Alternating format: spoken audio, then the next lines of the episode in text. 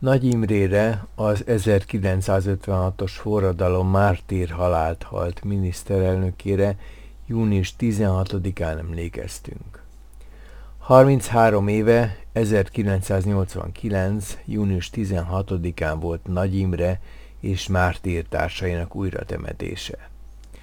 Jánosi Katalin, egykori miniszterelnökünk unokájának írását Benda Orsolya olvassa föl. Jánosi Katalin, Nagy Imre unokájának visszaemlékezése. Június 6-án nagyapám Nagy Imre miniszterelnök 126. születésnapjára emlékeztünk egy kellemes, nyilvános kerti koncerttel az Orsó utcai emlékházban. Június 16-án kivégzésének 64. évfordulóján pedig megidéztük történelmi alakját, szellemét a budapesti Nagy Imre szobornál, s tisztelői is szerte az országban.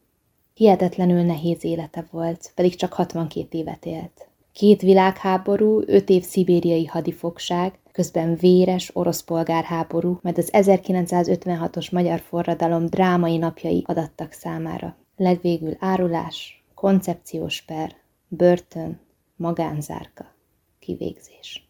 Több, mint egy ember elviselhet. Ő maga az 1945-ös földosztást érezte kiemelkedőnek munkásságában.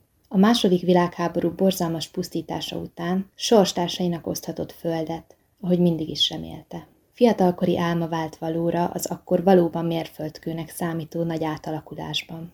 Azután 1953-ban miniszterelnökként láthatott hozzá újból tervei megvalósításához. Ismét egy olyan időszakban, mikor az országvezetés a rákosi rendszer sorozatos hibái miatt a zuhanás szélén állt hazája. Hihetetlenül aktív és boldog volt, ismét jó tehetett honfitársaiért. Bezáratta a munkatáborokat, megszüntette a kitelepítéseket, ki lehetett lépni a TS-ekből, emelte a béreket, visszaszorította az esztelen nehéziparfejlesztést, vallási toleranciát vezetett be, és a többi. De a történelem közbeszólt. Moszkva változtatást követelt. Felszólították, tagadja meg reformjait. Nem tette. Ezért mindenhonnan eltávolították. 1955 tavaszára már csak egy megalázott, mindenéből kiforgatott, megfigyelt nyugdíjassá lett. Örülhetett, hogy az életét meghagyták. Azonban az ország is figyelt, és a visszatérő, gyűlölt rákosi diktatúra ellenében 1956 őszére már őt követelték miniszterelnöknek. A magyar egyetemisták pontjaikban már Nagy Imre elvtársat kívánták az ország érére, és az október 23-án lengyel barátnak induló tüntetés kormányváltó tüntetésé alakult.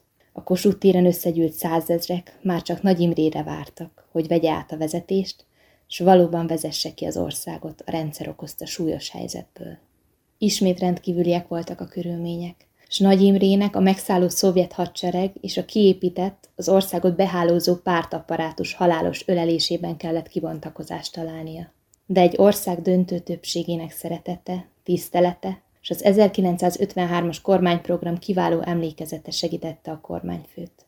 Bár társai alig voltak a küzdelemben, a rossz kommunikációs térben is meglelte a kapcsolatot az ország szinte minden részéről felé áramló küldöttségekkel. Éjjel-nappal tárgyalva, három napon belül megvolt az egész világ felé kinyilvánított törvényes döntés. Az utcai harcok jogosak, a nép felkelése jogos és törvényes. Ahogy később Nagy Imre írta, rövid pár nap alatt a fegyveres harc nemzeti fegyveres felkelésé fejlődött. Széles néptömegek részételével hatalmas népmozgalommá dagadt. Egységessé váltak a forradalom célkitűzése és jelszavai, amelyek a nemzeti függetlenség, szuverenitás, egyenjogúság elvét juttatták kifejezésre. Ezek a követelések a forradalmi felkelés, a nemzeti szabadságharc progresszív tartalmát képezték. Szorosan összefortak a szocialista vívmányok védelmével és a szocialista demokratizmus kiterjesztésének követelésével. Milyenben gyökereztek a legszélesebb néptömegekben, és jogos nemzeti követelések voltak, amelyeket régen meg kellett volna oldani. Nagy Imre a forradalom alatt mindvégig ellenzett mindenfajta erőszakot, politikai kibontakozásra törekedett. Egyeztetett, tárgyalt az értelmiség, a munkástanácsok, a fegyveres csoportok küldötteivel, s mindennapos egyeztetést folytatott a szovjet kormány Budapesten lévő képviselőivel is.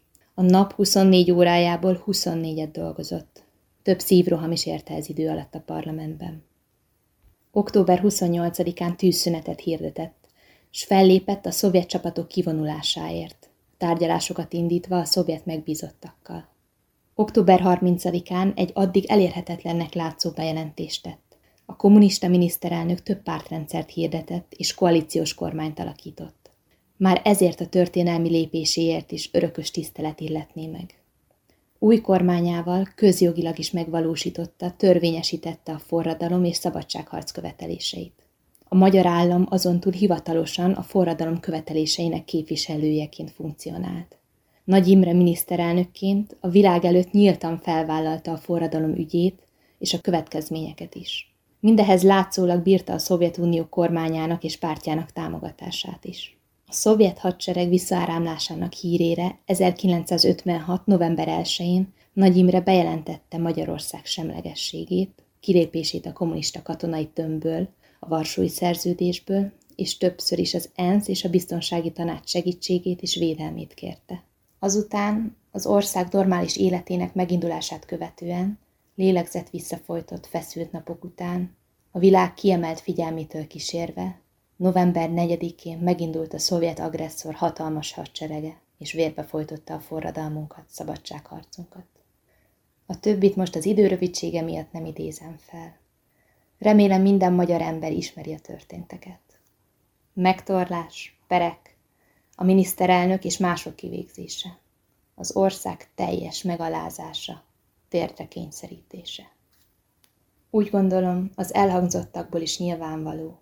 Nagy Imre Mártír miniszterelnök történelmünknek tragikus, és egyben példamutató alakja, Batyányi Lajos mellett Magyarország második, valóban felelős miniszterelnöke. Magyarként és családtagjaként is a legmélyebb tisztelet és fájdalmas szeretet, mit iránta érzek. Hazájáért halt meg, bátran, emelt fővel, meg alkuvás nem ismerően. Kevesen mondhatják ezt el magukról. Számtalanszor menthette volna életét, de nem árult el honfitársait. A forradalom és szabadságharc törvényes miniszterelnökeként, politikai tisztségből, emberi erkölcsből, hazaszeretetből ő mutat nekünk példát ma is. Nagy Imre betöltötte rendeltetését. Igaz, nagybetűs ember volt, alakja a nemzethez való hűség szimbóluma lett. Boldog és büszke vagyok, hogy ismerhettem. Benda Orsolya olvasta fel Jánosi Katalin nagyapjáról, Nagy Imre Mártír miniszterelnökünkről szóló írását.